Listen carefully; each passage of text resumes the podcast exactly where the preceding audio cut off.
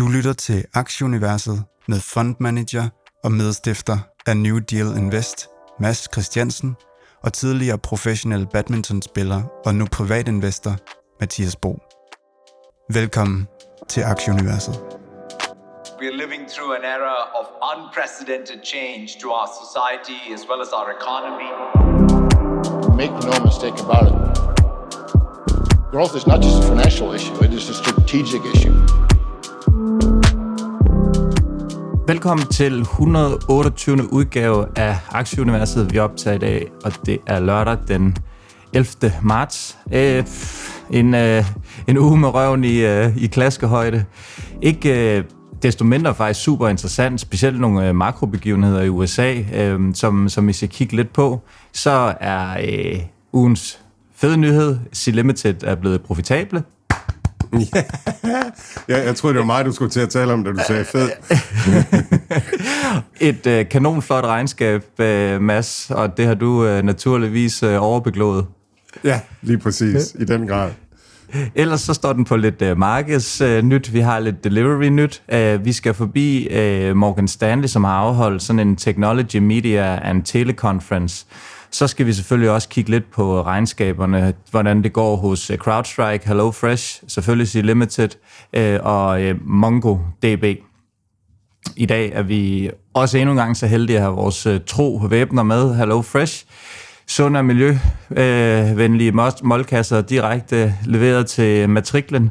Ja, lige præcis. Der var faktisk der var en, en lytter, der, der kritiserede mig lidt for at sige, at, at øh, jeg, jeg tror, at jeg blev sagt i skoene, at jeg siger, at, at HelloFresh er, er mm, er økologisk eller bæredygtigt, og det ved jeg faktisk ikke. Men jeg tror, at det, som jeg altid siger om HelloFresh, det er, at den her værdikæde, den er meget miljørigtig, og det er jeg bare 100% sikker på, fordi Øhm, fordi øhm, alter, altså det gamle alternativ, det er, at vi alle sammen kører ned i supermarkedet, starter bilen, kører ned i supermarkedet, går rundt ned i det her opvarmede supermarked, alle de ansatte kører derned og sådan nogle ting.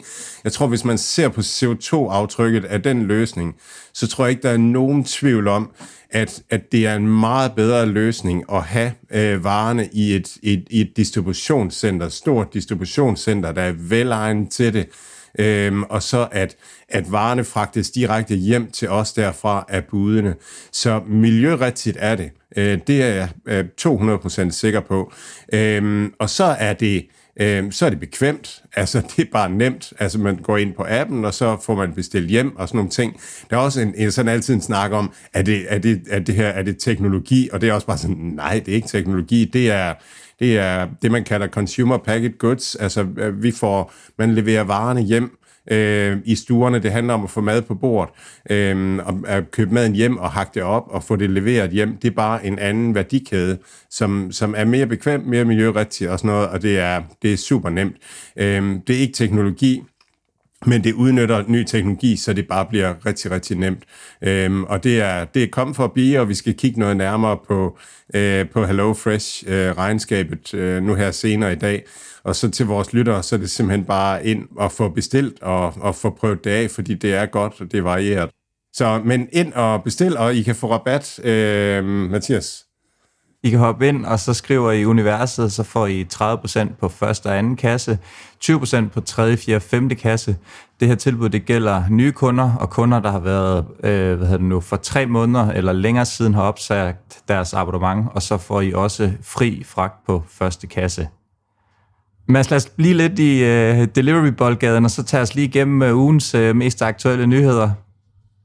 Yes, øh, vi selvfølgelig starte med DoorDash. Øh, at, at, jeg, var lige ved at sige, lad lige, jeg var lige ved at starte med at sige, lad os nu få den her DoorDash-nyhed, men yes, den ja. kom sgu, så er alle glade. ja, lige præcis. Jeg var stadig rykket den også op, da jeg planlagde, hvad jeg skulle sige som den første. Men DoorDash ude med et øh, kreditkort, så man får... Øh, Øhm, altså, så man kan, man kan få et øh, DoorDash øh, kreditkort, øhm, og de, øh, så får man et Dash, Dash Pass i øh, et år, øh, og så får man cashback på 2-4% på øh, alt muligt forskelligt. Vi kommer også øh, ind på det her i C-Limited regnskab, men det her med, at, at man har øhm, at man har, man, har, man har den her digitale platform inden i sig selv. Det giver nogle besparelser, det giver mulighed for også det her med, at DoorDash kan sige, nu, nu, øh, nu, nu, giver vi, nu bruger vi at det her cashback som markedsføringsomkostning osv., så, så får vi nogle kunder ind, og så ved vi, hvor vi tjener på dem øh, et andet sted. Øh, altså, så, så det giver virkelig, virkelig store fordele. Det, det, får, det, det bliver lidt ligesom øh, øh, Amazon Prime efterhånden, at man får simpelthen så mange fordele ved at have et dashpass og have et øh, kreditkort osv., så, videre. så begynder man at samle sine indkøb hos DoorDash, og så får DoorDash's sælgere øh, øget volumen på, får nogle fordele der, så de måske kan sælge varerne lidt billigere og så videre, så videre, så videre. Så, så det er den her øh, volumen-ting, øh, man får op at køre øh, på den her måde. Uber Eats, øh, de går sammen med Tampa International Airport øh, og, øh, om, at, at så kan man bestille via Uber Eats-appen øh, ind i lufthavnen. Så slipper man for lufthavnskøen, øh, køen, øh, og så kan, man, øh, ja, så kan man hente det hurtigt. Øh, men lige, kan, kan de lige bede en om at køre det ned til gate 37 med en gang Jamen, pomfritter, ikke? ja, men lige præcis. lige præcis. Og så lugter der altså pomfritter ind i flyverne efterhånden.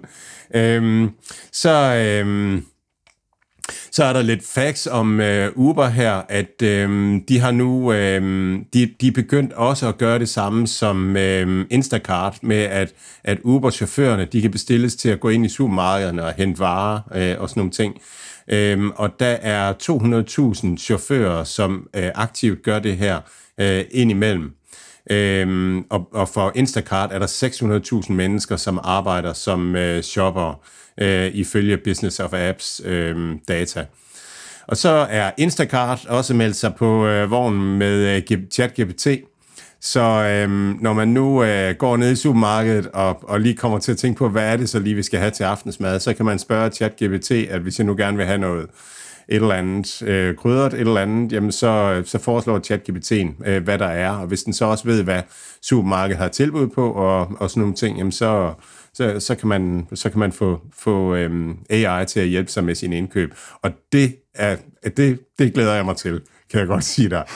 øhm, og så Starbucks, øh, de, øh, ja, de udvider med selvfølgelig DoorDash til hele USA.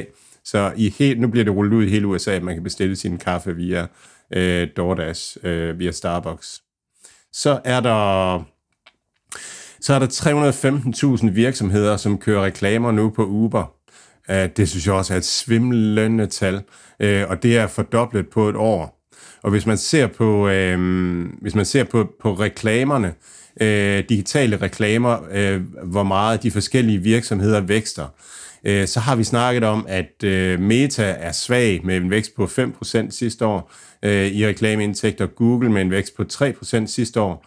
Og så hvis man bliver i Big Tech, så kommer Microsoft ind med en vækst på 10% og øh, Amazon med en øh, vækst på 19%, og Apple med en vækst på 26%. Så Big Tech, der er det altså Meta og Google, der vokser mindst i reklamer. Og hvis vi bevæger os over til det her, som jeg kalder øh, retail media, så har vi Walmart som topper med en vækst i reklamer på 42%, Instacart på 41%. Øhm, så der er virkelig, altså der er vækst i det her retail media, at, øh, at e-commerce platformenes øh, reklamer vækster meget. Og så er Amazon begyndt på øh, under 24 timers leverancer, eller skal til det, så de presser tiden endnu længere ned. Da, ja.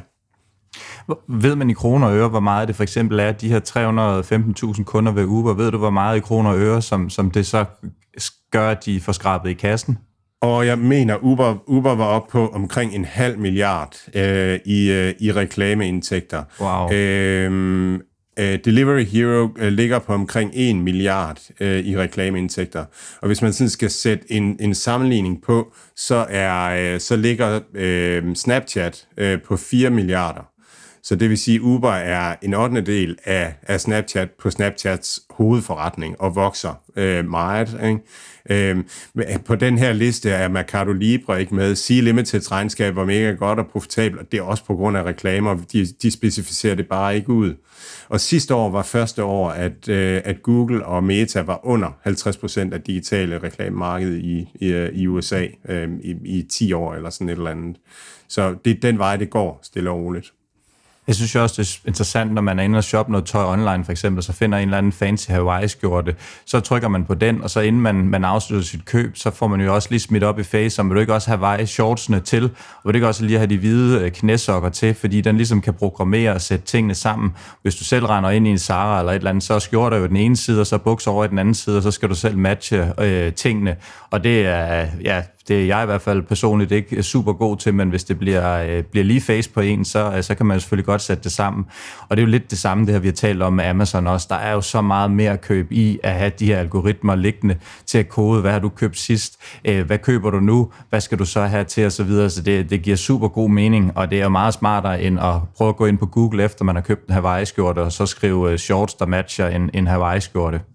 Ja, nu vi, altså nu vi snakker ud af det her, du, du snakker ind i det, så, så på den der JP Morgan-konference, der, der hørte jeg Microsofts øh, indlæg, og, og noget af det, som Microsoft øh, Gut han talte om, det var, at han gav det som eksempel, at, at øh, e-handels øh, måden at handle på om, om et par år, det bliver meget mere, at man bruger øh, ChatGPT som assistent, altså sådan siger, jeg skal have en, en fed Hawaii-skjorte, og, og, og altså, du køber mange Hawaii-skjorter, Mathias, så, så ChatGPT ved godt, hvad for nogen du købte øh, sidste gang og forrige gang og sådan noget, så den kan godt hjælpe med at finde det, der mangler derhjemme og passer til de sko, du købte øh, forrige uge og sådan nogle ting. Så det, det var hans eksempel. Og, og over ved Meta, der taler de mere om, at de skal have, have handlerne på, øh, på platformen, at konverteringerne på platformen, at man skal ikke henvise videre til et andet sted, men man skal have det ind til sig selv, så at man har dataen, så man ved, hvilken Hawaii-skjort det var, du købte, øh, også næste gang. Mads, vi skal lige over, fordi vi er så heldige igen at have en samarbejdspartner mere med, nemlig Ida, den smukke pige, som vi øh, talte om sidst. Jeg tror, hvis lige du bliver nødt til at øh, sætte på og forklare, hvad, øh, hvad Ida er. Jamen, Ida er en fagforening, øh, men en fagforening, som, som arbejder specifikt med øh, naturvidenskab, IT eller, eller ingeniører. Og det, øh, jamen, det er nærmest en vertikal integrering af en fagforening, så det gør, at at de kan hjælpe med nogle flere ting, end en almindelig øh, bred fagforening øh, kan.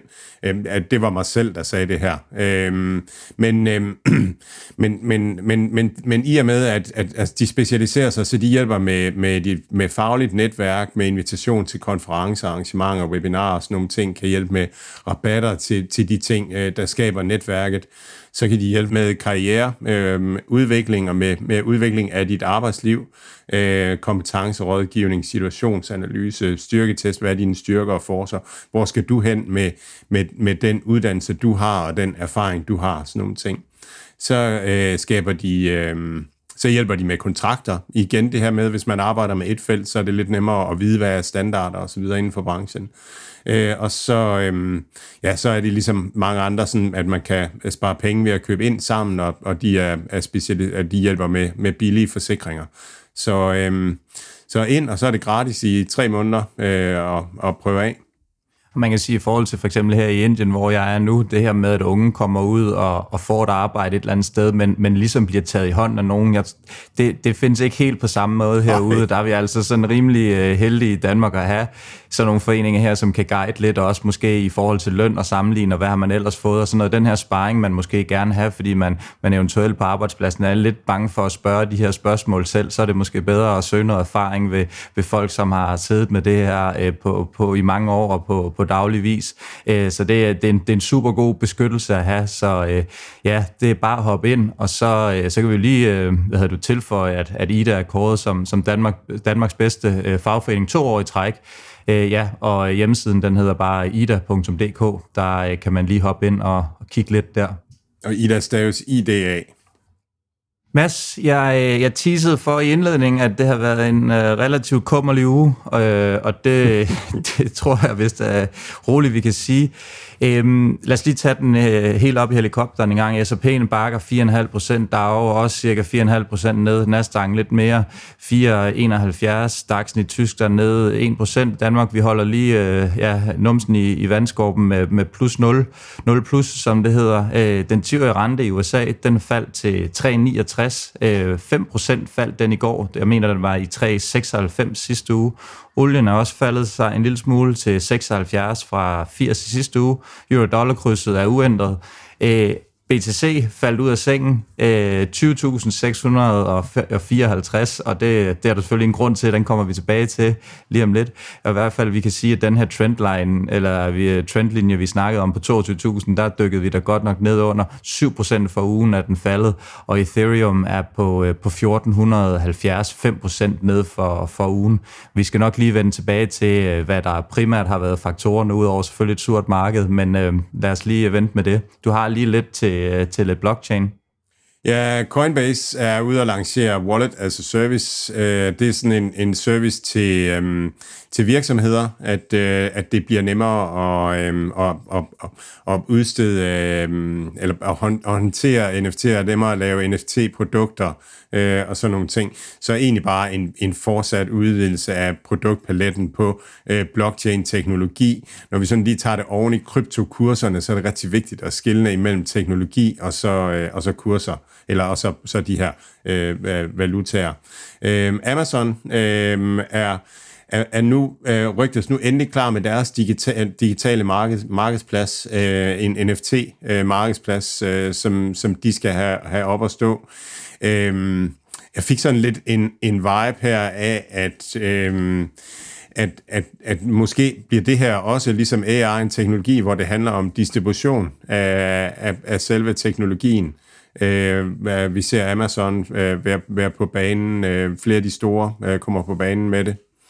Jeg synes også, det er lidt en blåstempling af det her, øh, at, at sådan en firma som Amazon, som, øh, som ikke når bare sådan beskæftiger sig med alt muligt random gøjl, øh, at de ligesom også gerne kommer ind og måske vil udfordre det her open sea. Selvfølgelig har de nogle penge for øjnene, men det er jo måske også en eller anden validering af, af det her NFT, at det ikke bare er dyre, dyre æber, som, som folk skal betale en formue for, men rent faktisk er noget mere. Det er måske noget mere community, det er det her ja, sociale arrangementer, man godt kan lave på andre måder Øhm, så jeg synes, det er spændende, og det der er super positivt for, for NFT, at der kommer en, som kan udfordre nogle af de her øh, OpenSea, og så specielt et navn som Amazon.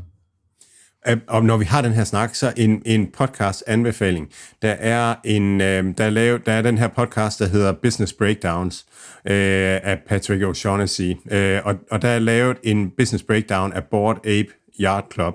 Altså, hvor, hvor, øh, hvor, hvor hele det her forretningskoncept omkring de her board apes. Hvad, hvad er det egentlig, de kan, og hvad er det for en value proposition, de, øh, de her board apes tilbyder øh, dem, der køber en, en, en abe, der keder sig, øh, at de får. Og det, det er meget, en meget god øh, podcast til sådan ligesom at blive klog på, hvad er det så egentlig substansen er i det, selvom at det er en digital substans. Lad os lige komme over til, øh, til makroen, lade æberne hænge træerne, og så, øh, så komme, fordi der har været øh, ret meget smadret på. I går der kom den her jump-rapport, som øh, var frygtet øh, stærkere, end den, den var, og det var den også. 311.000 nye job blev der skabt i februar. Det var 86.000 øh, øh, hvad hedder det nu, mere end de forventede 225.000 øh, nye job. Øh, arbejdsløsheden den steg så en lille smule uventet, så til 3,6 procent fra de her nuværende 3,4 procent. Øhm, vi har jo snakket om det mange gange, at det her økonomiske data, som kommer ind stærkere, det betyder, øh, at de her renter i, øh, i USA vil sandsynligvis gå højere, end, end de er pt, og end man tidligere har snakket om. Øhm, men øh, men så, så samtidig så skete der jo noget lidt interessant torsdag i forbindelse med ja, den her Silicon Valley Bank, som ligesom giver Fed og Jay Powell, Fed, endnu mere at tænke over, fordi nu begynder vi ligesom at se, at der er nogle af de her små og måske ikke helt så velpolstrede banker, der virkelig, virkelig begynder at have problemer øh, på grund af de her øh, høje, hvad hedder det nu, renter, som der er. Jeg ved ikke, om du lige vil, vil tage os igennem, øh, hvad hedder det nu, Silicon Valley Bank, øh, Bank Mads, og fortælle, hvad det var, der, der skete, og hvad det var for en udmelding, de, øh, de kom ud med her i, i torsdags. Jo, øh, altså, jo, jeg har lige jeg har skimmet det. Jeg, jeg, jeg, jeg, jeg har ikke sat mig vildt grundigt ind i det, men som jeg lige øh, ser det, så, så er det, øh, jeg tror, USA's 16. største øh, bank, øh, mener jeg, kan huske. Øh, og, og Silicon Valley Bank er, er, er fra Silicon øh, Valley, øh, så, så Silicon Valley Bank har været med til at finansiere og låne ud til mange af de her øhm, øhm, unicorns, der er opstået derovre, og, og, og det er gået godt. For et par år siden, der, der vækstede man rigtig meget, øhm, fik, øh, fik mange indlån og, øh, og sådan noget, og havde ikke rigtig noget sådan at, at og, og, og, og investere dem i. Og så gjorde man det, at man investerede i nogle øh, obligationer, øh, som, som egentlig bare skulle ligge der til, øh, til, til, til de var i kurs 100 om, om 10 år. Øh, men i og med, at renten er sten så meget, så er de obligationer faldet i kurs. Og det giver egentlig ikke noget problem, så længe at man ikke skal ud og sælge de her obligationer. Øh, men hvis, hvis, man lige pludselig, hvis der lige pludselig er mange, der begynder at trække penge ud af banken, jamen så skal man jo ud og, øh, og sælge øh, den likviditet, man har. Det er så de her obligationer. Det vil så være til en dårligere kurs. Øhm, og det ser man ikke i regnskabet, før at, at de begynder at, at være tæt på at skulle sælge. Og det er så det, der er, er sket nu, at, at man har været ude og sælge noget, og så været ude og annoncere, at man havde et, et relativt stort tab.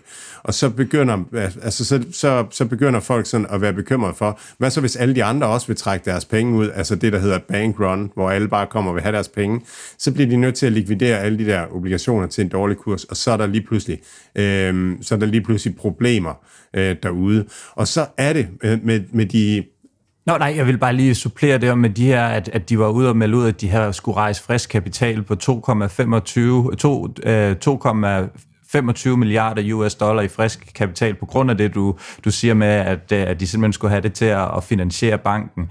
Øhm, og, øh, og så var de ude og, og sælge nogle af deres investeringer for 21 milliarder kroner med et tab på 1,8 milliarder kroner, øh, som så lige pludselig gør, at de, øh, de er i økonomisk knæ på baggrund af det her. Ja, og så, og så, og så begynder nogen også sådan at sammenligne med små øh, banker. Altså fordi det der jo egentlig er, det er, at likviditeten sådan ligesom, øh, hvis den tørrer ud, så, så er der måske andre banker, der også skal ud og sælge noget af det, som man troede, man bare skulle have liggende indtil, indtil det løb ud øh, i kurs 100, og så måske sælge til en lavere kurs og sådan nogle ting. Så, øh, så, så lige pludselig så begynder folk at kigge på alle mulige andre banker også, og hvor sikkert er det her.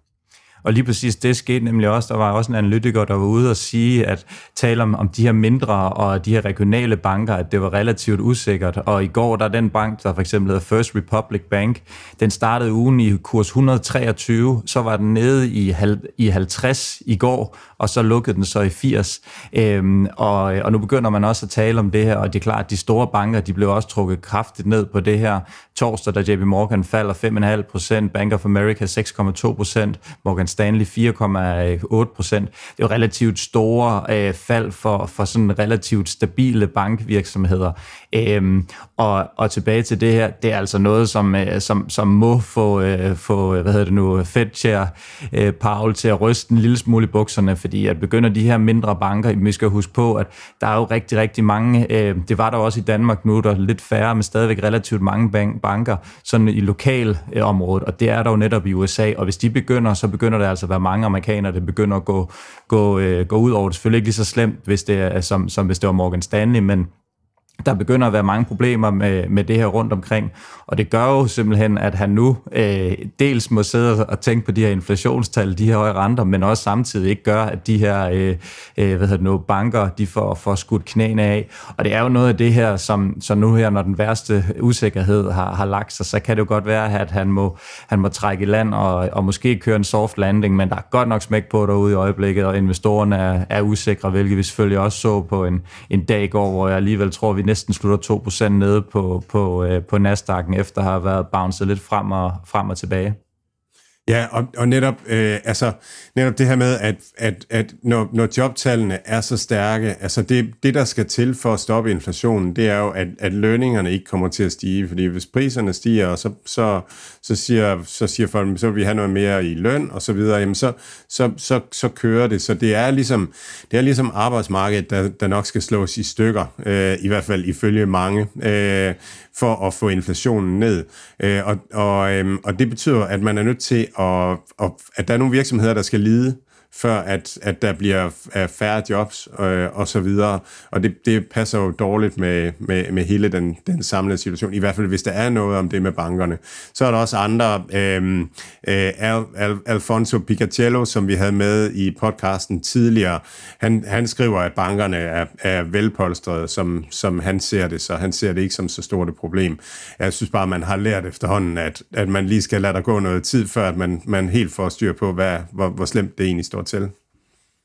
Så var der et lille fun fact, og det var faktisk også Alf, der havde retweetet det for en eller anden mestre, at øh, JP Morgan, de havde i deres analyse af Silicon, uh, Silicon Valley Bank, de havde et kursmål på 375 uh, per, uh, per december 23. Uh, det var en analyse, der kom i november med en, en anbefaling af, af overweight eller, eller buy af det her, og jeg ved ikke lige helt, hvad vi røg ned i går. Jeg tror, den var, den var halted i, i, i kurs 106 i går, ned fra, fra 160, tror jeg, i starten af ugen ugen. Så det er bare lige et sjovt, at, at en af de stærkeste analysebanker i verden, de for, øh, ja, de for fem måneder siden er ude med et kursmål, som, øh, som ligger fire gange over det der i dag, så de har i hvert fald ikke set den, og det var efter et, et deep dive med, et deep dive med deres øh, CEO, øh, øh, Silicon Valley CEO, så øh, ja, øh, nogle gange skal man lige tage analyse og nyheder og alt muligt andet med et grænsalt, fordi at øh, indimellem så opstår der nogle af de her ja, ikke så heldige øh, episoder, så øh, ja, den har de nok også fået lidt røg for, analytikeren fra, fra hvad det nu, Morgan, eller JP Morgan, der har sendt den ud. Han er nok blevet rådet lidt i, i kantinen i, i fredagsbaren her i, i, i, nat, tror jeg. Øhm, Mads, kan vi ikke lige gøre det her bankpalaver færdigt, og så lige tage Silvergate, fordi at, øh, ja, deres øh, datterselskab øh, ja, lukket ned i, øh, i løbet af ugen, eller øh, er det helt færdigt? Ja, det, det, lyder, det virker som om, de afvikler, øh, som jeg lige øh, tolker det, det, der bliver skrevet, at, at øh, man vil afvikle forretningerne, og så vil man sælge de assets, man, man, man nu har øhm, så de ting, man har bygget og, og så videre. Så, øhm, så det, det virker som en, en, øh, en afvikling. Og det, det startede jo lidt på samme måde også, altså det her med, at, at de skulle bruge likviditet, og så var det nogle af de her øh, obligationer med lidt lang løbetid, som man var nødt til at gå ud og sælge til en, en dårlig kurs, og, øhm, og så lige pludselig så er øh, ja, så, så er, man, er man lukket øh, ned nu. Øh, Coinbank, øh, Coinbase begyndte at trække deres, øh, deres øh, transaktioner fra den her send-platform, og så, øh, og så, ja, så væltede korthuset øh, for, for Silvergate. Lad os kigge på nogle af de øvrige markedsnyheder. Øhm, vi, øh, vi starter lige med Meta. De er snart klar med et øh, nyt øh, social medie. P92 hedder det. Og det skulle gerne være sådan en udfordrer til Twitter. Øh, man kan øh, vist øh, ja, logge ind med sin øh, Instagram-profil eller sådan noget. Der er ikke lige videre ud omkring, øh, hvornår eller øh, hvad nu, hvornår de er klar til at launche det her. Men, øh, men nyheden er i hvert fald breaket, at, at det skulle være en, en pendant til, til Twitter, som de, øh, de starter med.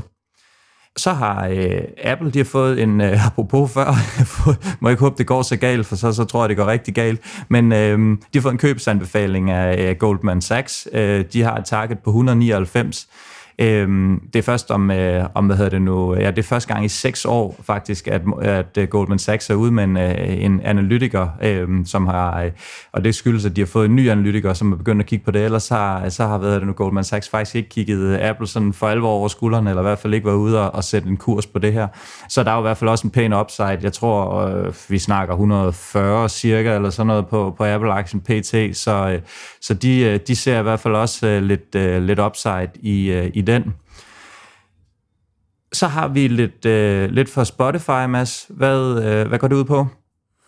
Øh, Spotify har haft sådan en, øh, en, øh, en, en konference for, øh, for, for, øh, for indholdsproducenter, øh, og, og de er ude og, og lancere et videofeed, øh, som skal kunne virke som rekommendationer for musik, podcast og, og, og lydbøger. Så øh, de bygger, bygger lige så stille ud. Øh, jeg synes, der har været sådan lidt en positiv vibe omkring øh, Spotify her på, på det seneste. Øh, og også øh, positivt interview på den der JP Morgan øh, teknologikonference. Øh, Så øh, ja, det, det, virker, det virker spændende og ja, spændende så har Tesla været ude og øh, sætte priserne ned en gang, den, øh, endnu en gang hedder det, øh, dengang på deres øh, dyre modeller, den her model S og X, cirka 5 procent. Øhm, det eneste, man sådan kan spørge sig lidt om, det er jo altid fint, det er jo fedt, at ting bliver billigere, det er jo som gammel, gammel fynbo, man er bare glad for det jo. Men øh, det eneste, man sådan kan spørge sig selv om i forbindelse med det her, det er folk, der er villige til at bruge øh, ja, plus 100.000 øh, dollars på en bil, om de 5%, de får i rabat, øh, gør, at man ikke vil købe det. Jeg vil sige, der skal nok måske lidt større rabat til, før at, øh, hvad hedder, undskyld, om, om det betyder så meget, de 5%, for jeg vil sige, om, om du skal give 100 eller du skal give 95 for en Tesla, det, det er nok ikke rigtigt det, som, som gør forskellen. Så, øh, så i, i, i hele træskolængden, der er det noget, der gør, at forbrugerne, de, de hiver en Tesla ned fra, fra internethylden i stedet for en Volvo eller et eller andet. Det kan man jo spørge sig selv om. Men øh, ja, ja, øh, man sparer der i hvert fald en lille smule penge, hvis man vil øh, have fingrene i en, i en ny Tesla. Det, øh, det er jo trods alt positivt. Tror simpelthen, det er for lang tid siden, du har været på Fyn. Jeg, jeg, jeg tror, at, at Fynboer og jyder og mig selv inklusiv, hvis jeg har hørt om, at noget det er blevet sat ned et par gange i pris, så tænker jeg bare, at jeg gør et røverkøb. Altså, og så, det gør virkelig en forskel. Jeg tror, det betyder meget for folk, at man føler, at man får meget for pengene, og at man får rabat, og, og, og at man får noget billigt. Så, øhm, men, men, jeg tror, men ja, det, den, kan, den, kan vende, den kan vende alle veje. Det kan den. Ja. Jeg troede, du skulle til at lave... Øh, jeg skulle lidt som min gamle marker, Carsten Mogensen, en gang, da vi kørte i en taxa faktisk her i Indien, hvor vi brugte prisen op, i stedet for, hvor vi sagde, det var for billigt, det her en charge, så brugte vi prisen op. Det var det, jeg troede, du skulle til at sige, du gjorde ned i supermarkedet. Når du var nede og købte en bounty, og du sagde, de her 17 kroner for bounty, det er simpelthen for billigt, jeg vil give dig 25. Nå, øh, spøg til side. Salesforce, de er også hoppet med på, på chatbotten. Forklar lige, øh, ja, det. Ja, de, de har lanceret, de kalder deres øh, øh, large language model øh, for øh, Einstein øh, GPT, øh, og den kan så øh, lave øh, indhold øh, hen over Salesforces cloud med øh, altså hjælp med, med, med at lave indhold til alle de services, øh, de har. Igen det her med, at at de her øh, platforme, som har en masse produkter, de kommer til at distribuere AI inde i deres produkter, så Salesforce bliver bare endnu bedre og løser endnu flere problemer for, øh, for deres kunder. Og HubSpot er ude øh, også øh, i den her uge og øh, har AI-features i, i deres øh, platform. HubSpot er sådan en, en Customer Relation Management øh, øh, CRM-platform også, øh, som, som kan, kan, også kan hjælpe med at skabe indhold og så videre. Det går bare hurtigere, altså med at få, øh, at få det brugt og, og få det ud, øh, end, end, end jeg lige havde troet. Øhm, det er spændende. Så har SoFi, de været ude og øh, sagsøge Education Secretary Miguel Cardano, øh, Cardana og hans, øh, hvad hedder det nu, departement. Hvad hedder det nu? Øh, det er jo den her beslutning om at forlænge de her, øh, hvad hedder det nu, ja, altså højesterets øh, Ja, den tror jeg fik forklaret, men det, men det er lidt indviklet, men det er, det er Joe Biden, som har været ude og lave det her øh, med de her, øh, hvad hedder det nu, at man kan få sin, godt skrevet sin studiegæld, og, øh, og, og SoFi har jo rigtig mange kunder, et stort segment inden for det her studiegæld, og der kan man simpelthen gå ud og få skåret den her gæld af, hvilket at det her program bliver ved med at blive øh, for, øh, hvad det nu, forlænget, og det er klart, at det er ikke noget, der passer øh, SoFi så godt, så nu, øh, nu er de simpelthen så ude og, og hvad hedder det nu, sagsøge hvad hedder, øh, sekretariatet og øh, den der departement af, af uddannelse, Øhm, og, øh, og det var så noget, der fik øh, senator Elizabeth Warren til tasterne på, på Twitter og svine dem til øh, og, og sige, at de var reckless og, øh, og alt muligt. Og, øh, ja, altså, det er svært at vurdere, hvad der er op og ned, men, men det er klart, hvis man, hvis, man, øh, hvis man har en gæld, og man lige pludselig bare kan skrive den af, det er jo selvfølgelig godt nok, at man prøver et eller andet sted at beskytte brugeren. Det er jo bare ikke så godt, hvis det går ud over et firma. Øhm, så øh, ja, selvfølgelig i, Guds eget land, så, så kommer der en retssag ud af det her. Det er jo ikke så overraskende. Øh, så faktisk som også haft det svært i løbet af ugen, øh, lidt, øh, lidt måske blandet ind i det her øh, bank, selvom man ikke kan måske kalde dem helt det, og så, øh, så selvfølgelig ud og, og blive, blive få lidt øh, sat i skoene, at de griske er en, en relativt populær øh, senator med, med mange millioner følgere på, på Twitter. Det er jo selvfølgelig ikke altid øh, en, en super cocktail. Den bakkede også øh, en 8-9 procent i går og har haft en, en svær uge, men ellers jo absolut en af mine skal man være i det her tech og helt opstart og frisk og et, et moonshot, så er, så er SoFi et, et af mit bud på, øh, på en, en, det er i hvert fald der, jeg har lagt øh, mine æg i kurven til at, at se, om vi kan komme helt en, en tur til månen, eller øh, få, få bragt den her øh, Maldiverne-tur i, i, øh, i gang igen til, til hele universets øh, lyttere, så, øh, så er det SoFi, der skal gå til månen med mig. Jamen det er klart, altså alt hvad der, alt, hvad der indebærer, at, at der er noget kredit ude, øh, og, og at man, man selv har hånd på kogepladen med kredit, det, det er ikke særlig rart, når, øh, når, renterne, øh, når renterne stiger. Øh, fordi at, at, at netop den sikkerhed, som, som sådan en bank har, øh, på en eller anden måde øh, for øh, for, det, for det enestående, man har, og det man har, man har lånt noget ud, hvor man ikke kan ændre renten, og så har man på den anden side øh, enten nogle, nogle, nogle obligationer med en eller anden varighed, som man har som sikkerhed, nogle, nogle investeringer i en eller anden varighed, eller også så skal man, øh, eller også så skal man have penge ind fra øh, centralbanken eller, øh, til til den, den rente, der nu er højere måske end det, man lånte ud til for, for et-to år siden. Så på den måde, så, så bliver altså noget lidt mere, lidt mere usikkert, og, og risikoen for, at der lige pludselig sker det samme som med, med Silicon Valley Bank, er der selvfølgelig. Jeg hørte et interview med, øhm, med deres CEO her for nylig, hvor han, hvor han taler om det her med, at man er egentlig profitabel på, på store dele af forretningen, og så tager man nye kunder ind til en, øhm, til en, en omkostning, som, som, øh, som gør, at, at der går et par år med at tjene, øh, tjene pengene ind på kunderne. Øh, men men der, der kommer man sådan, at man bliver break-even i løbet af et års tid eller to øh, på det. Så begynder der at være så mange kunder, der har været inde i så lang tid, og, og kundebasen stiger i forhold til salgsomkostningerne, at, at så bliver man også profitabel der.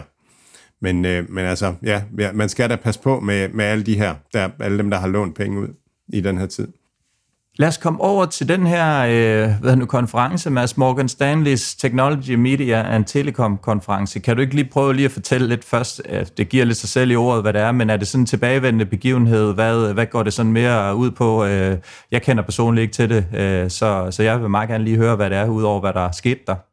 Jamen altså, det er, det er alle virksomhederne ude, når de har aflagt regnskab øh, efter regnskabssæsonen, så er der de her store banker, de afholder sådan nogle øh, konferencer, hvor, at man, hvor, hvor der så er sådan en fireside chat, hvor, hvor, øh, hvor CEO sætter sig ned og taler lidt mere frit og lidt mindre formelt ind til earnings call, og, og, og jeg synes, man får rigtig meget ud af at høre de her øh, interviews. Og, øh, og den app, som hedder Quarter, øh, øh, som, som, som man kan hente i App Store, øh, og som man kan høre earnings calls på, de, øh, de får de her øh, ind automatisk. Så hvis man har sine virksomheder der, så får man simpelthen, når der er de her teknologi-interviews. Så der har jeg så hørt en, en række øh, af virksomhederne i, i løbet af den her uge her.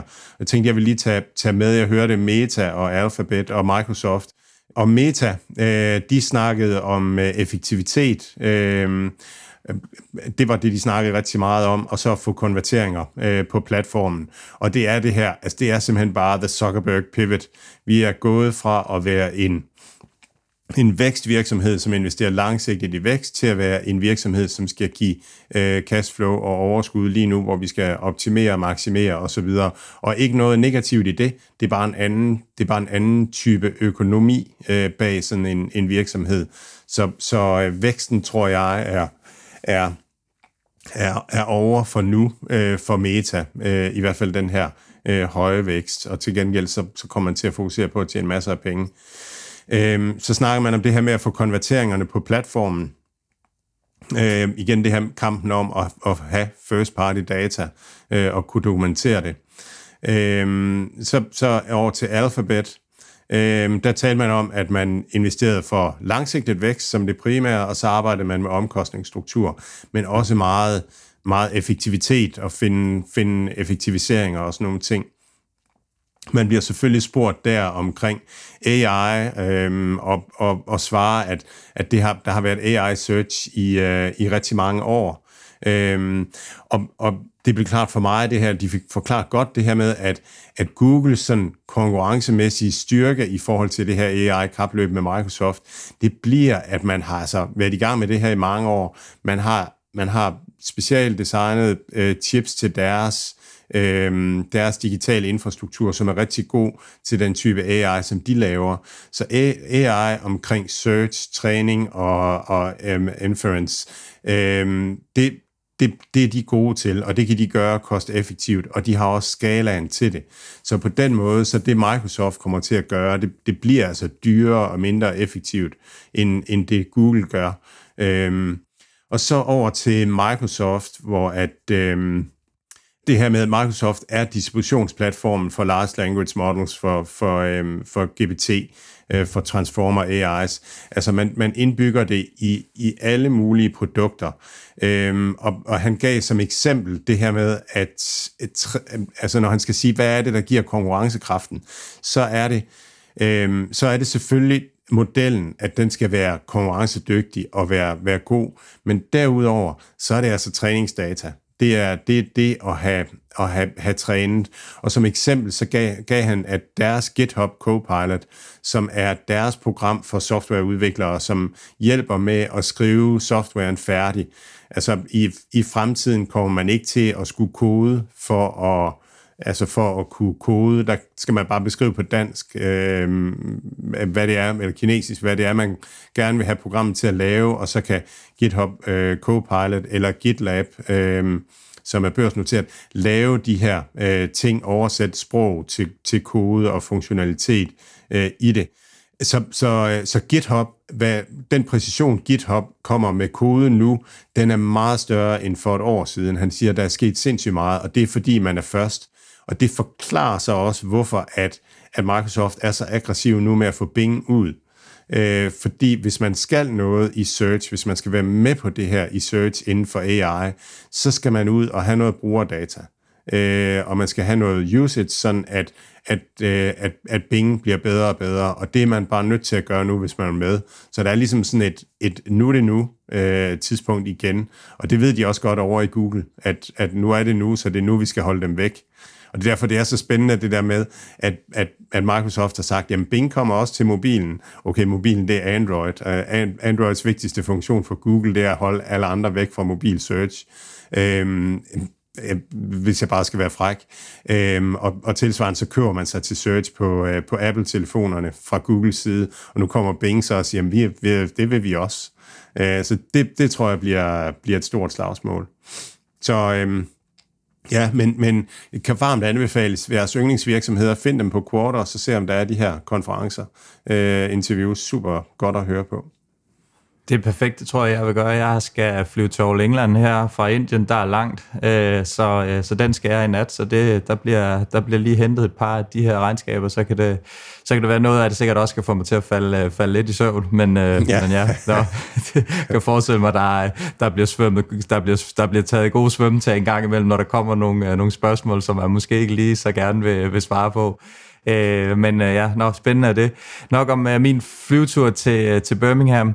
Øh, lad, os, øh, lad os komme over til de her øh, regnskaber, Mads. Øh, endnu en uge, hvor, øh, hvor nogle af de, øh, de spændende selskaber, nogle af dem, vi følger rigtig tæt, selvfølgelig øh, Sea Limited, men, men også øh, Hello Fresh og, og CrowdStrike, ligesom har været i, i ilden. Øh, lad, os, øh, lad os hoppe til Tyskland først, og Hello Fresh, og, øh, og kom lige med en opsummering på, hvor, øh, hvordan det så ud.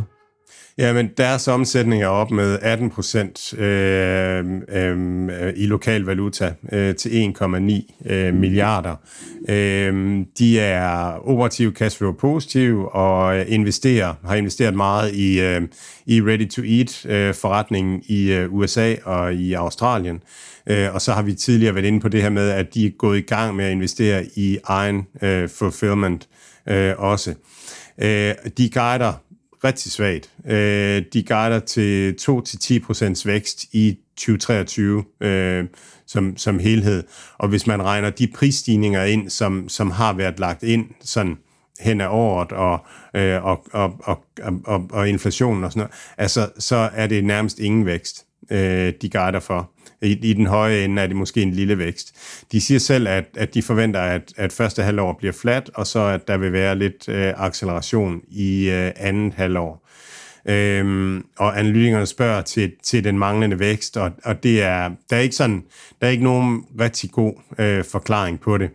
Øhm, andet end at, at man kommer ud af corona-epidemien. Øh, man har fået en masse brugere ind, øh, som har brugt platformen, og, og nu, nu tjener de, og øh, så, så, altså, så der er flere, der kan, der er flere, der kan, kan blive tjønere, end, end, der, end der er nye, der kommer ind.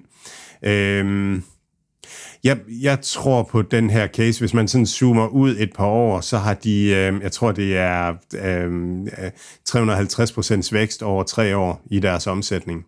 Øh, så, så og før coronaepidemien voksede det her segment med, med 30 procent, øh, og vi hører løbende om, om alle de funktionaliteter og alt det, der, der kommer ind i det her med, at vi forbruger, vi skal have, have varerne hjem til os. Øh, og der tror jeg på, at HelloFresh bliver en af de ledende aktører i det projekt. Så jeg tror på, at det er en, et langsigtet skifte i den her værdikæde. Og, og det er derfor, jeg tror, at det stadigvæk er vækst, som er blevet fuldstændig obstrueret af, af, af corona-epidemien øh, og, og vores reaktion på det.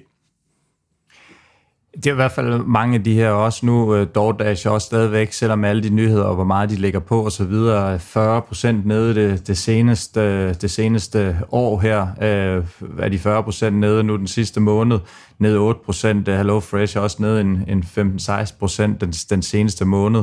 Uh, nu ved jeg faktisk ikke, om der findes en ETF inde på det her, men det begynder da snart efterhånden at være interessant, fordi det er over hele linjen, at den er. Og hvis man ikke tror, at man kan, man kan præcis fange den, som, som det er, så det var måske være meget interessant at se, må ikke der findes en ETF derude, der, øh, der tracker det her, fordi det er over hele linjen, at, at vi ligesom er, er tilbage i kælderen, også. Grab er også øh, tilbage under tre, mener jeg det var, øh, en af dem, som, som jeg måske vil kigge på, i og med, at det her infra, eller det her logistiknetværk, er ligesom byt, øh, bygget i, i Asien, og det er billigere at få, få øh, ryttere til at køre.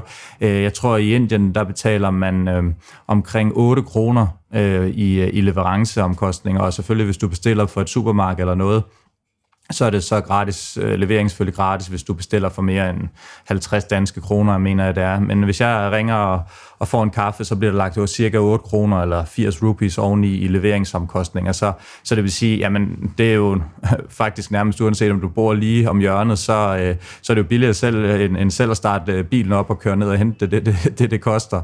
Øhm, så, så det giver super god mening. Jeg synes så stadigvæk, at de er for langsomme til at levere det. Øh, nogle gange, at, at hvis man selv starter bilen op, så vil man stadigvæk kunne hente det hurtigere, end, øh, end at de kan komme og levere det. Men, øh, men det er så lidt, lidt nogle steder. Øh, I Mumbai er der noget, der hedder Blinkit, og der, der er det selvfølgelig inden, inden 10-15 minutter, så der kan man slet ikke konkurrere med det. Og det er selvfølgelig også derfor, at, at når jeg er her, jamen så, øh, altså, ja, man træder ud for døren, men det er ikke for at hente, hente diverse øh, fødevarer og så videre til, til, til ganen. Øhm, så måske øh, snart en, øh, en ETF inden for det her øh, sønder, sønderbumpede landskab. Jeg er helt enig. Altså, det er, det er, og det er svært at sige, hvad der kommer først ud af, af, af starthullerne. Og det, og det er faktisk det, vi bygger i New Deal Invest. Altså, det er, det er den her brede, brede, brede af, af alt det her. Det er sindssygt svært at sige hvad, men, men, og det er også svært at sige, hvem, hvem der egentlig så bliver vinderen i, øh, i de her segmenter, men, men der, er, der er mange gode bud på det, øh, som, som giver den her brede, øh, ja, gode ting. Alt, hvad Mads, Mathias og deres gæster siger, er deres egne meninger. Det er ikke finansiel rådgivning. Denne podcast er udelukkende ment som information og skal ikke bruges til at lave beslutninger om investeringer. Mads, Mathias og kunder i New Deal Invest kan have positioner i de virksomheder, der tales om i podcasten. Lad os komme over til øh, Sea Limited. Øh, jeg har faktisk lidt med vilje slet ikke kigget på det, for jeg har bare øh, egentlig glædet mig til at, øh, at smække stængerne op og høre dig fortælle lidt om det, øh, hvordan det så ud. Jeg kunne selvfølgelig godt se, at det var fremragende, og at de, de, var, de var gav overskud. Men kan du ikke lige dykke, dykke ned i det og tage os igennem det? Og ja, det er selvfølgelig med et smil på læben, man læser det. Jo, altså overskriften, den er jo bare, at de blev profitable. Øh, og hvis vi lige løber tallene igennem, så, øh, så stiger deres omsætning med 7,1 procent øh, til 3,5 øh, milliarder. Øh, og deres overskud øh, er 423 millioner, altså på helt almindelig gap-basis. Øh, øh, ikke noget adjusted eller noget. Hvis vi går over til deres adjusted øh, EBITDA, så er det 496 millioner, også positivt, og sådan cirka det samme.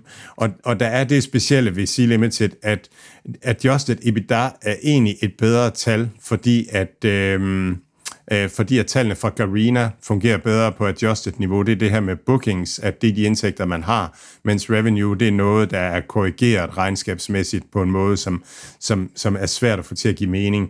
Så hvis vi ser på Garena nu, øh, så er altså spildelen, øh, så er deres omsætning 950 millioner øh, og op kvartal over kvartal.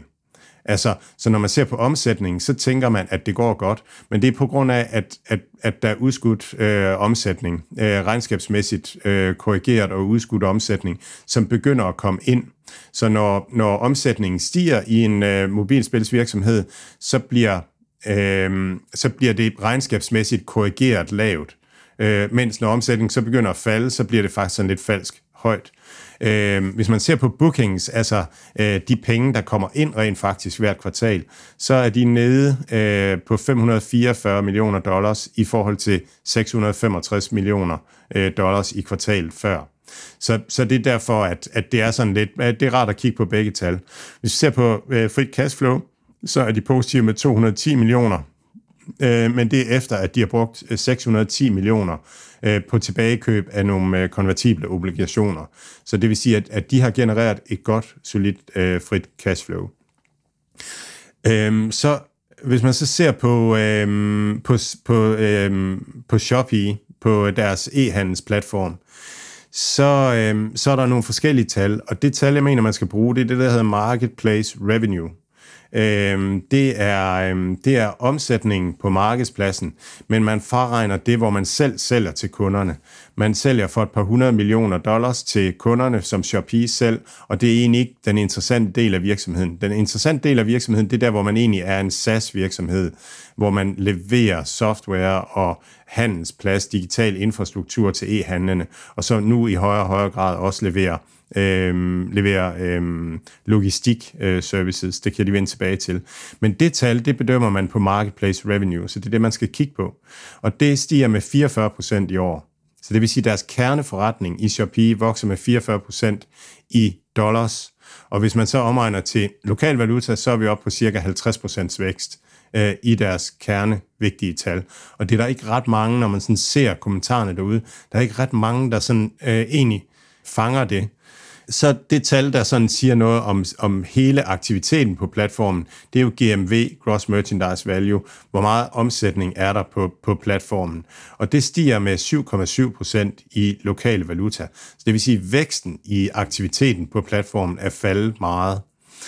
Det skal ses i lyset af, at deres salgs- og marketingsudgifter er faldet fra 1,2 milliarder øh, i, i øh, fjerde kvartal sidste år til 474 millioner i år. Altså 60% nedgang i salgs- og markedsføringsomkostningerne. Øh, og det er derfor, at man er blevet profitabel. Og det er faktisk det, Sea Limited har sagt hele tiden. De har sagt, at vi kan være profitable, når vi vil. Vi skal bare lade være med at fyre så meget af i salgs- øh, og marketingsomkostninger. Er det, er det planen at blive ved med at reducere det, eller hvad siger det noget om det? Øhm, nej, de, de, de, de siger ikke særlig meget om, øh, hvad, hvad, de, hvad de gerne vil. Øhm, jeg, jeg tror, at øhm, altså en, en anden ting, de har gjort for at blive profitable, det er jo, at de har lukket ned i alle de her andre markeder, som, som man forsøgsvis havde prøvet at sætte op. Øhm, Polen, Frankrig, Spanien, Mexico. Øh, man, lukker rigtig, man har lukket rigtig meget ned. Man fortsætter i Brasilien og satser på Brasilien. Altså, øhm, jeg tror, det, det, det de skal nu for at, øhm, for ligesom at befeste og fortify, de ord bruger de en enkelt gang i løbet af regnskabsmeddelelsen, øhm, det er, at de skal bygge logistik nu. Øhm, fuldstændig ligesom Mercado Libre gør det, det er det næste. De skal bygge logistik, og, og de taler om, at man skal nedbringe enhedsomkostningen. Og de taler også om, at det at lave e-handel, det kræver nogle kompetencer, som det tager lang tid om at opbygge. Så, så på den måde adresserer de også lidt øh, den her frygt, der er for TikTok. At TikTok er så ung, og, og sådan noget, og de har ikke den her infrastruktur, som, som C-Limited har. Og det er det, C-Limited skal fortsætte med at, at bygge nu øh, og det skal de bruge kapital på. Så jeg tror, det man har sagt, det er, at man har sagt, hvilke markeder kan vi se, at vi kan nå, at, hvilke markeder har vi penge til at øh, og, og virkelig at, at udbygge øh, de her ting her og satse på. Og så er man kommet ned på, at, at det var dem, der var tilbage. Og så er der nogen, der vil sige, at det er da dårlig ledelse og så videre, at man, at man ikke, øh, at man ikke øh, gjorde noget andet tidligere. Øhm, og, og, og tilsvarende, så kunne man også sige, at det var da elendigt at dinosaurerne, at de ikke forberedte sig på, at der kom et, et, et, et meteornedslag, som, som ændrede klimaforholdene. Altså, der skulle man jo have været ude og tænke over, hvad ville der ske, hvis der kom. Men, men sådan var virkeligheden jo ikke for halvandet år siden. Der var virkeligheden en anden, der var penge nok, og, og der var man vindende i en masse markeder, så, så der har man været i land grab mode.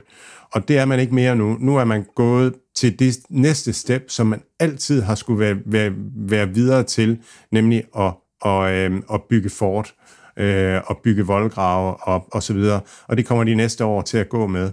Så for mig at se, så vinder de øh, Sydøstasien. Og det, det er sådan, der. Jeg, jeg, jeg synes jo, vi har jo talt om nogle gange, og tror måske heller ikke, at enten så forstår jeg det ikke godt nok, vi er i hvert fald ikke helt enige men det der med sådan, jeg kan sagtens se, at man kan godt øh, prøve at skyde op i luften og håbe på, at det rammer en fugl lidt, de har gjort med de her markeder, med Polen og med Spanien og noget af det andet, som du nævnte også, det her med uden sådan rigtig at investere. Men, men konkurrencen er for hård på, på de her ting til sådan for alvor at prøve at gøre det der, og så, så, så er med på, at det ikke er lige så mange penge, som hvis de gik all in. Men det er jo stadigvæk også lidt det her signal om, at man bare tror, at man bare lige kan gøre lidt, og så komme ind og lige, øh, lige føle dem lidt på tænderne.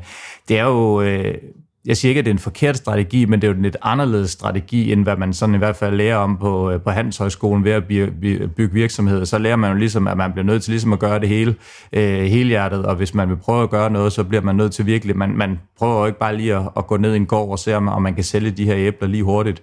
Øh, så der bliver man nødt til at komme hele vejen rundt i forsyningskæden og sådan noget. Så jeg tror der måske også, at ikke fordi det har kostet dem så meget, men jeg tænker der, at der sidder nok nogle investorer, som, som, som måske har siddet og tænkt derude sådan, ah, det er her, vi skal lægge vores penge, når, når de kører med sådan lidt øh, ja, øh, øh skyd op i luften og håber, vi rammer et eller andet øh, taktik, øh, sådan lige med, med første øjekast i hvert fald. Ja, altså det, jeg kan godt følge det. Jeg tror, det, det, som, øh, det som man ikke skal undervurdere, det er, hvor, hvor, hvor asset light deres, sådan, deres første produkt er. Shopee-appen, den, den, det er bare en, en underholdningsapp, og den er meget asset light, så, så den sker der ikke noget ved at rulle ud. Og, og, øhm, og jeg tror ikke her i Europa, altså for eksempel, jeg tror ikke, altså vi har jo ikke, der er jo ikke nogen konkurrenter, der er ikke noget alternativ, der er ikke, der er ikke nogen europæere, der med ild i øjnene siger, at det her, det bygger vi godt nok, og nu skal I bare shoppe i, I skal bare passe på.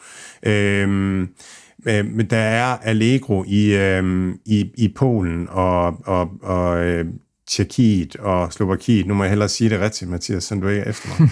øh, men, men, øh, men ellers så, så synes jeg ikke rigtigt, der er den her europæiske Mercado Libre, som, som ruller ud. Så, så tror det giver ok mening, at, at det kunne være. Og Indien, det var også bare altså, øh, for stor en mulighed til bare at sige, nej, det lader vi bare, det lader vi bare ligge. Altså, lige hurtigt. Ja, lige præcis. Så, men, men det, var, det var mega godt. Jeg, jeg, øhm, jeg, var i Millionærklubben tirsdag, og, og, og, og han snakkede med Bodil om, at vi skulle, vi skulle skrive, øh, eller vi skulle snakke om Sea Limited inden, og så videre. Jeg skrev til hende der, at, at den var oppe med 10 procent, og at, at markedet bare, at det ikke var sunket ind endnu.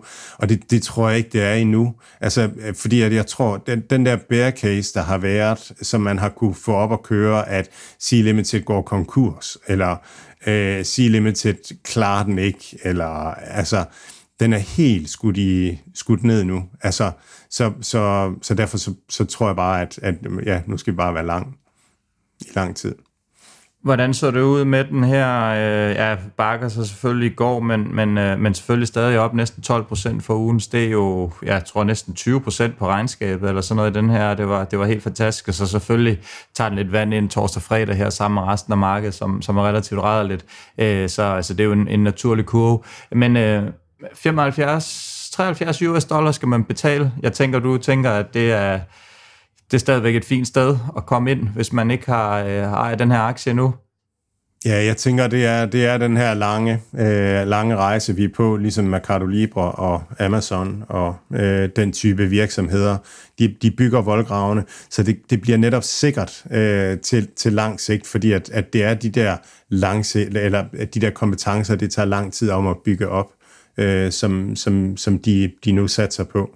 Så de bliver svære at bide skære med. Og lige apropos uh, C-Limited, så, uh, så har vi fået et, et lytterspørgsmål, og det går simpelthen bare på, uh, kan virksomhed skifte til profitabilitet uh, så hurtigt, uden at noget går i stykker? Jamen, og det, jeg har været lidt inde på det, øhm, og for mange af de her virksomheder, vi følger, der er det salgsomkostninger, der, der er den store post. Øh, og grunden til, at man har skulle have så store salgsomkostninger, det er jo, fordi konkurrencen er stor. Det, det gælder om at, at komme først, øh, men også fordi, at, at skala er vigtig øh, øh, i det. Altså, at, at, at at når man, når man er, har en stor omsætningsbase, så betyder de faste udgifter, man har til administration og bygninger og alt sådan noget, de betyder mindre. De udviklingsomkostninger, man har haft, de afskrives mod en større, øh, større øh, indtjeningsbase. Så det, det har været vigtigt at vokse øh, for de her virksomheder. Og jeg tror, vi kommer til at se, at, at de virksomheder, der ligesom er blevet store nok, har fået skala nok, jamen de kan switche til profitabilitet relativt simpelt ved at, at skære i øh, salgsomkostningerne. Og det er det, vi har set for, for Sea Limited.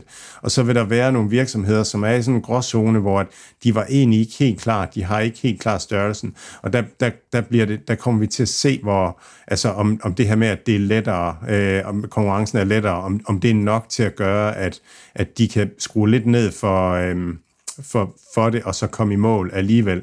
Øhm, og så vil der være nogen, som, som, som ikke kommer videre. Øh, jeg, tror, jeg tror stadigvæk, at markedet overvurderer, øh, eller undervurderer, hvor få der egentlig sådan ikke er et sted, hvor at, at de kan finde balancen. Jeg synes, vi hører masser af virksomheder, som bliver spurgt om, hvad med jeres penge her? Nu er I ved at være, være, være nogenlunde break-even, eller, eller næsten, og sådan, skal I gøre noget med pengene, og så videre. Og virksomhederne svarer i øjeblikket, ej, vi skal lige se, hvor det her det lander, øh, og sådan nogle ting. Så, så, så jeg tror, de tænker, nu er vi kommet igennem nåløjet, og vi behøver egentlig ikke at satse mere fordi vi er det her sted, og der kommer ikke nye ind for højre og sådan nogle ting. Så, øhm, så jeg tror ikke, om, jeg tror ikke til, til Jens' spørgsmål der, jeg tror ikke, at skiftet er så stort. Øhm, jeg tror bare, det er et spørgsmål om at, at lægge udgifterne, skære i salgsudgifterne. Men det er jo også lidt, når vi, når vi nu er skiftet rundt med de høje renter, så er man jo også, så er man jo også skiftet øh, investeringsmiljø. Og det er klart, at hvis du har en, en BIX med, med mange 100.000 øh, ansatte, så, så er det jo ikke sådan noget, man lige går ind på kontoret og så lige siger, nu, nu gør vi lige sådan her i stedet for. Det er jo lidt den her store supertanker, som man sådan stille og roligt skal trække rundt og en ny øh, retning. Man skal til at omlægge måske strategien en lille smule og sådan noget. Så det er klart, at det vil, det vil tage noget tid at gøre det, så det er jo ikke mm. bare lige sådan, man lige siger, jamen næste kvartal, så er vi profitable, fordi så er der netop netop noget, som, som Jens siger, så er der noget, der går i stykker. Øh, så, så man kan ikke bare lige gå ud sådan og gøre det, og de, langt de fleste lande kan du heller ikke bare lige gå ud og så sige, jamen I er fyret fra, fra i morgen, og vi betaler ikke løn. Øh, der er man jo øh, ja, lidt, lidt beskyttet, i hvert fald i, i Europa. Øh, USA måske ikke helt så meget, men stadigvæk er der nok noget fratagelse og, øh, og nogle klausuler og sådan nogle ting. Øh, så, så det er jo de her supertanker, de her store virksomheder. Det er altså ikke helt nemt lige at, at skulle sidde lige og, og lave strategien om og, og tilpasse det til, til, til det miljø. Slet ikke, når, øh, når mange af dem er vant til at kunne brænde gratis penge af. Ej, men helt, helt enig. Altså, du har ret, der er, kulturelt er der noget anderledes i en virksomhed, i at, at det er vækst for enhver pris, øh, og så til, at, at det er noget andet. Men, men for en virksomhed som Sea Limited, altså det de, det de gør, det er, at de laver en fed e-handelsoplevelse. Så, så for alle dem, der sidder og laver den oplevelse, der er der ingen forskel. Altså, det er det samme, uanset om, om det er for vækst, eller det er for... Det er mere inde i regnskabsafdelingen, at man sidder, skal vi, skal vi brænde penge af på, øh, på, på vouchers og, og sådan nogle ting, eller, eller skal vi passe lidt på pengene? Øhm, og, så, og så taler Google og Meta, de taler jo om det her med også, at nu bliver der ligesom tid til at se tingene igennem, og at, at de teams, der er, de, de får mere, den, deres opdrag, det bliver mere at, at finde, finde nogle nogle mere kosteffektive løsninger, end at finde nogle løsninger, øh, der, der giver vækst. Så tech kommer, kommer styrket ud af det her. Og så er du helt ret i det der også med, at, at der er nogle engangsudgiftninger i, i forbindelse med at, at afskede folk og lukke markeder ned og sådan noget. Og det var nok det, der gjorde, at C-Limited ikke var, var kommet så langt i forhold til profitabilitet sidste kvartal, at der var de midt i alle de her, øh, at så skal folk have så også mange penge med, når de bliver afskedet, og det er jo rimeligt nok, at, at, at det er sådan, det er, så det koster. Fedt og, øh, og, og super godt spørgsmål. Skriv endelig ind til os, øh, række ud efter os, så, øh, så prøver vi at tage noget af det med, specielt når vi nu lige har et spørgsmål, som, øh, som fedter ind i, i for eksempel et C-Limited-regnskab her. Så, så det, vi, det er vi utroligt taknemmelige for, øh, at I gør, så bliv endelig ved med det. Øh, Mads, vi, vi flyver lige videre til, til CrowdStrike. Ja, øh, godt regnskab. Øh, omsætningen er op med 48 procent øh, til 638 øh, millioner. De er free cash flow positive, så de er også, de er også igennem her. Øh, har 2,7 milliarder i cash, øh, som, som de skal finde ud af, hvordan, øh, hvordan de skal bruge. Og, og sådan, så den her nedtur, tror jeg, langsigtet bliver en fordel for dem. Altså, det er, de, de er, de, der konkurrencen øh, menneskes øh, for dem. Og altså, det, det helt store, jeg blev mærke i fra deres regnskabsmeddelelse, det var, at er du Sunshine Microsoft Defender øh, fik det glatte lag. Microsoft er Defender er deres sådan, øh, konkurrence, øh, direkte konkurrence inden for øh, endpoint security sammen med Sentinel-1. Øh, og, øh, og, og, øhm, og i, i, de, øhm, i de forberedte bemærkninger, der kommer, øhm, der kommer CEO med, med sådan en historie om en kunde, som, øhm, som stolede på en... Øhm, jeg prøver lige at læse det. Uh, øh, I'd like to share a reason when with a company that suffered a breach after relying on an OS vendor that øh, uh, operativ system vendor uh, sælger that claimed legacy signature-based product was good enough to take on today's threat actors.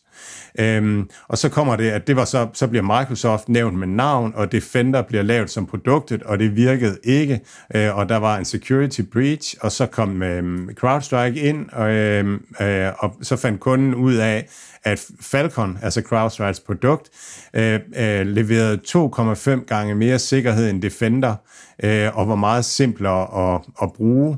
Og så fandt de også ud af, at det var billigere at bruge, øh, bruge Falcon. Jeg så var sådan, er det her lovligt? Altså, hvor, hvor langt må man gå? Men, men det er jo noget med, at, at hvis man fortæller, hvad en kunde har sagt, så er man jo ikke ude selv og lave sammenlignende reklame øh, øh, eller sådan noget. Og så nede, længere nede i, i spørgsmålene, så øh, kommer han også øh, frem med, at, at de fleste af de øh, sikkerhedsbreaches, der er, det er folk, der bruger Microsoft Defender.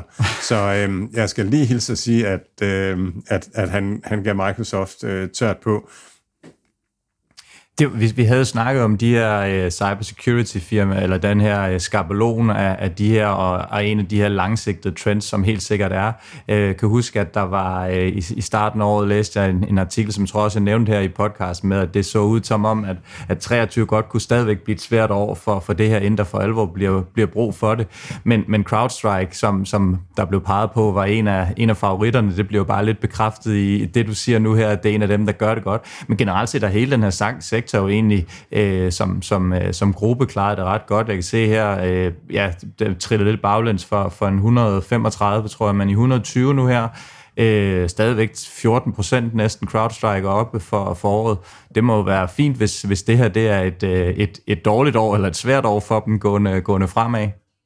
Helt klart, ja. Øhm, og vi kommer tilbage til det ved MongoDB, øhm, at, at, at mange af den her type virksomheder er sådan under pres, øh, fordi at, at pengene ikke sidder så løst mere, men det virker som om, at cybersecurity sådan, øh, guider for nogle OK vækstrater, øh, især i forhold til, til, til nogle af de andre øh, typer af, af softwarevirksomheder. Og lad os prøve at tage MongoDB, nu når vi øh, taler om den.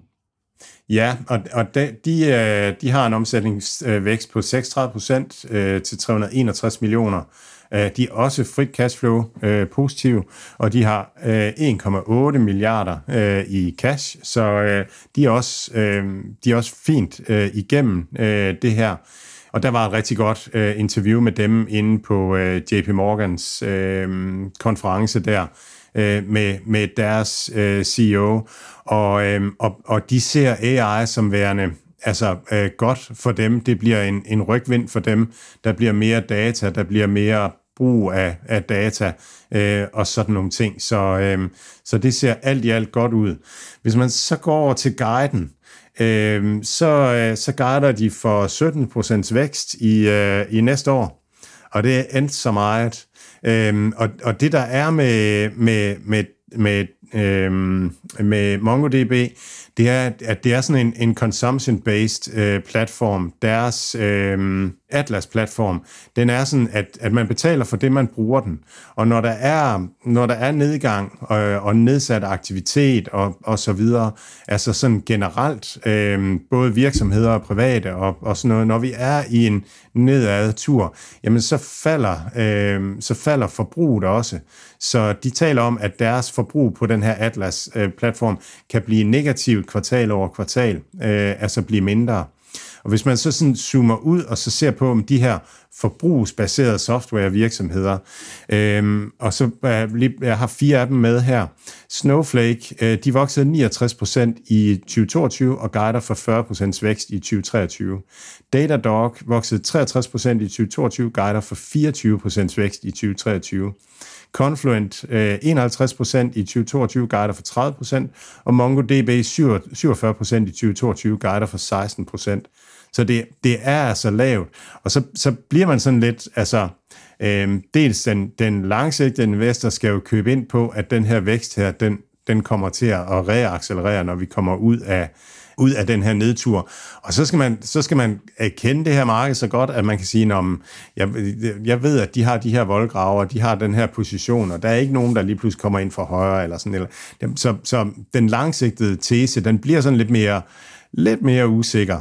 Øh, og kortsigtet, så skal man jo sætte sig ned og så være taktisk og tænke på, hvis nu at væksten faktisk kun bliver 17 procent i øh, 2023, kommer der så et tidspunkt, hvor jeg kan købe den her aktie billigere end, øh, end nu, og, og hvad, hvad bliver lavpunktet egentlig her?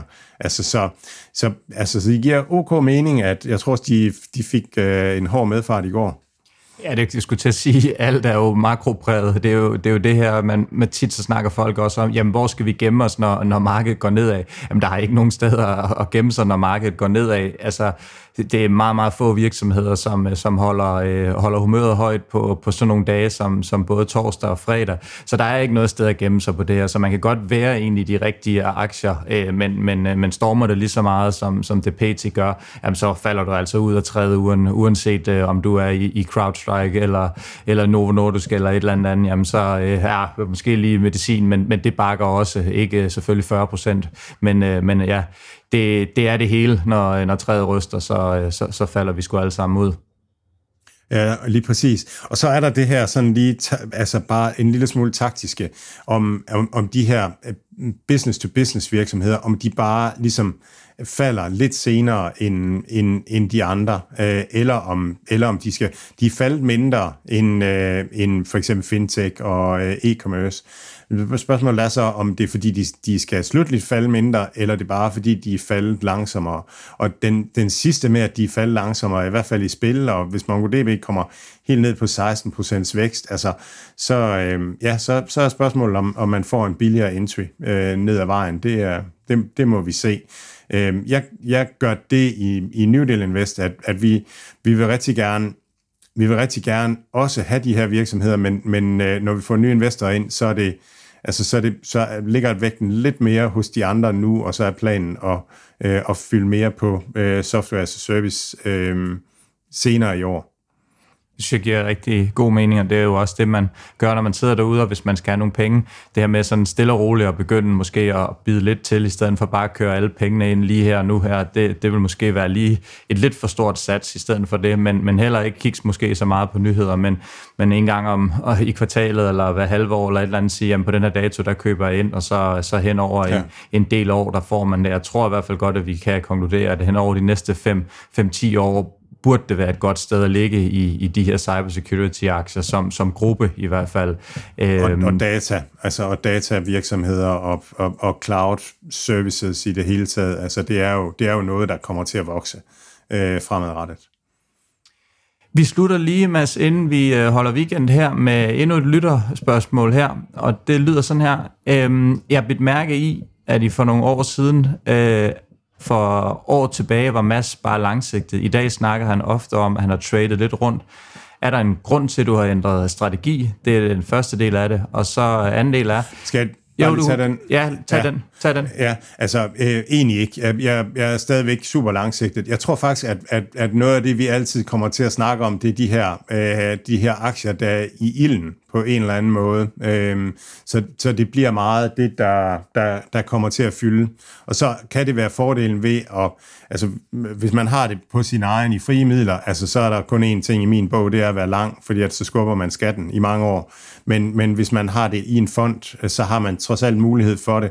Og, og i en fond er man nødt til at øh, også at øh, at rebalancere en lille smule, for at man ikke har for meget i, i nogen. Og for mig har det været øh, en ting omkring Mercado Libre på et tidspunkt tidligere i år, og nu er det en ting omkring Sea Limited, at, at vi er nødt til at, at rebalancere en, en lille smule, for at risikoen ikke bliver for stor ved at være for tung i, i en virksomhed.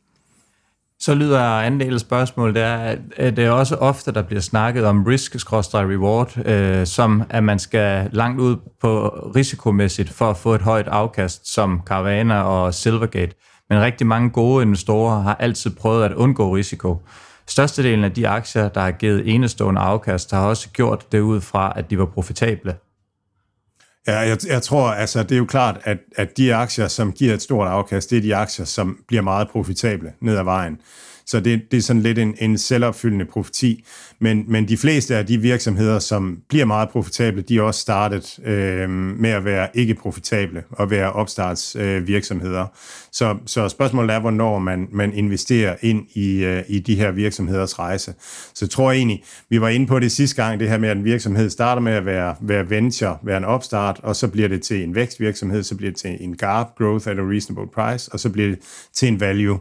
Så, så jeg tror egentlig mere, det handler om, hvor at man, øh, hvor at man, man gerne vil investere øh, og være. Men, men hvis man vil have det, det store afkast, øh, jamen så, så skal man jo ind øh, i, øh, principielt i venture-stadiet. Det er jo der, at, at afkastene er størst, når man, når man rammer den. Øh, vi, ser, vi ser en serie lige nu, der handler om Ubers opstart. Det er virkelig en, en virksomhed, der ramte den øh, på, på, øh, fra venture-niveauet. Øh, øh, og og øh, ja, så, så, øh, så jeg tror, jeg tror mere, det er det. Men også tror jeg igen det her med, at vi ender med at snakke om de der virksomheder, som, som er aktuelle, fordi de er i vælten, eller, øh, eller at, at de er truet. Øhm, så, så det er ikke så meget, fordi at, at man nødvendigvis skal investere i det. Men, øh, men nogle af de virksomheder, som vi har investeret i, de er, de er blevet kommet langt ud på risk-reward-kurven, hvor C-Limited er endt i den modsatte ende, den, den synes jeg er blevet meget mere sikker nu, efter at, at, at den er, men den er, den er, den er positionen uændret i. Så til sidst, så er der, er der en grund til, at vi hører mindre om virksomheder, end vi har gjort før? Jeg synes, det var et sjovt spørgsmål. Det tænkte jeg faktisk også på. Og jeg, jeg, jeg, synes, jeg synes, det er gennem... Det, det, sådan er det over det hele, ikke? Altså, der er ikke ret mange, der taler virksomheder mere. Øh, for et par år siden, der kom alle de her nye virksomheder på børsen, og det var super spændende, og hvad kan den, og hvad kan den, og så videre. Og nu er der, nu er der ikke, altså den snak er ligesom død. Nu snakker vi makro, nu snakker vi om, om, øh, om, om den og den bank går ned, eller om, om hvad der sker, og, og, og sådan noget, hvad gør Paul, og, og sådan nogle ting. Så øh, ja, det, men, men det, det er god inspiration, det er godt indspark, fordi det, det, der er noget positivt over det der med at snakke om nogle spændende virksomheder.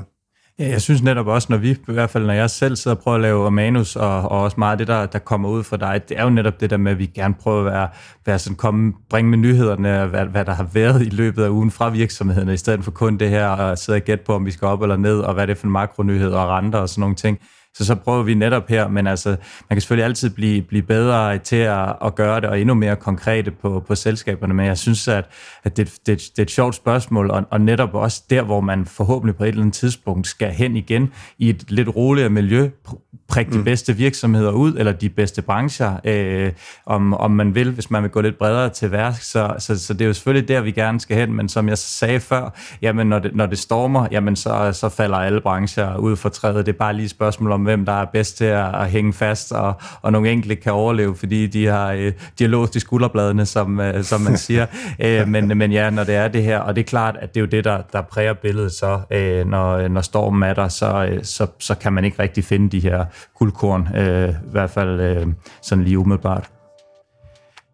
Jeg tror, det var, det var ordene for, øh, for i dag, Mads. Øh, ja, jeg er kun tilbage og ønske dig og alle vores øh, lyttere en, en rigtig god weekend, og øh, ja, på genhør i næste uge. Tak, lige måde, Mathias.